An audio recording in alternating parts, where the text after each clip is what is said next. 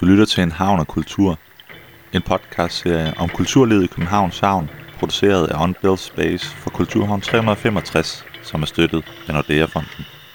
Mit navn er Mathias Norby.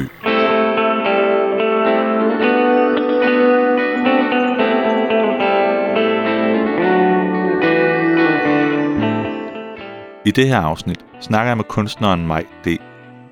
Det kommer til at handle om en ny fortolkning af den lille havfrue, og så viser det sig, at alt den skrald, der er i havnen, faktisk skal bruges til noget helt uventet.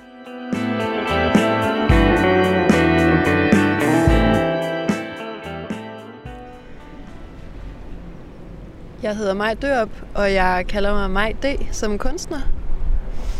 Jeg har lavet et par forskellige projekter sammen med Kulturhavn 365 i havnen.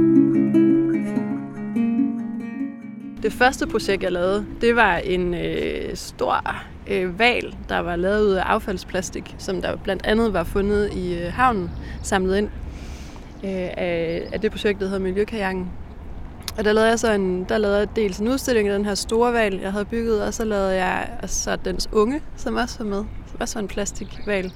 Og så lavede jeg en workshop for familier, hvor man kunne komme og bygge sin egen babyval. Så det var babyval-workshoppen, øh, som, var, som forløb virkelig dejligt. Det foregik nede ved Miljøkajakken. Det var det ene projekt, som selvfølgelig satte fokus på miljøet og på alt det plastik, der ender i, ude i vandet og sådan noget, og som udgør en kæmpe stor trussel for vores planet lige nu. Det er meget sådan nogle ting, der inspirerer mig.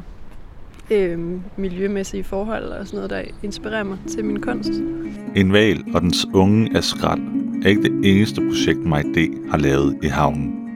Et andet af hendes projekter tager udgangspunkt i et helt særligt eventyr af H.C. Andersen. Og det andet, som er et helt andet projekt, det øh, kalder jeg et hørespil. Det er sådan en tur i øh, kanalbåden, hvor man kunne lytte til en nyfortolkning af Den Lille Havfrue, øh, kombineret med historie om København. Velkommen ombord. Sådan et hørespil her er en drøm, jeg har haft øh, længe, om at prøve at formidle historie på en anden måde. Så man ligesom startede ved at følge havfruen, sådan dramatiseret. Der var skuespillere osv., der havde indtalt det. Så fulgte man den lille havfrue, øhm, rejse fra oldtidens København, hvor hun første gang så, at der slet ikke var nogen by, hvordan der så så ud her og sådan noget. Jeg ved alt det, du siger, og mere til. Jeg ved, at her engang bare var en lille havn, og også, at der endnu før det slet ikke var nogen havn. Kun en lille ø og en sumpet strand. Nu er det så længe siden, at den hedder Gammel Strand. Gennem eventyret, så følger man så også Københavns udvikling, samtidig med, at man så sejler forbi øh, nogle af de steder i havnen, som indgår sådan, som sådan en aktiv kulisse i fortællingen, så man også lærer sådan lidt, man sniger lidt historisk læring, læring ind igennem det. Min fiskehale er forsvundet. I stedet har jeg ben. Det skærer i hele min krop og i min tunge. Se kanalen dernede. Det var her, det hele begyndte. Begyndelsen på mit eventyr og begyndelsen på denne by. Der er rigtig mange ting forbundet med en havn og det at lave projekter i havnen. For det første, så er det jo noget med at arbejde med vandet. Og vandet har en meget stærk poetisk kraft for mig. Jeg synes, det er, det er let at lave noget ved vandet, som begynder at glimte i både i fysisk forstand, men også sådan i overført betydning. At det er sådan det, sol på vand, eller i det hele taget, øh, vejret og vandet skaber en, en helt speciel stemning, som på en eller anden måde gør, at man har rigtig meget at arbejde med, i, hvis man som jeg arbejder også med omgivelserne, og integrerer omgivelserne i sine værker, og det elsker jeg at gøre. Omgivelserne bliver en del af kunstværket, og Majde håber, at hendes værker kan være med til at åbne op for nye måder at opleve havnen på.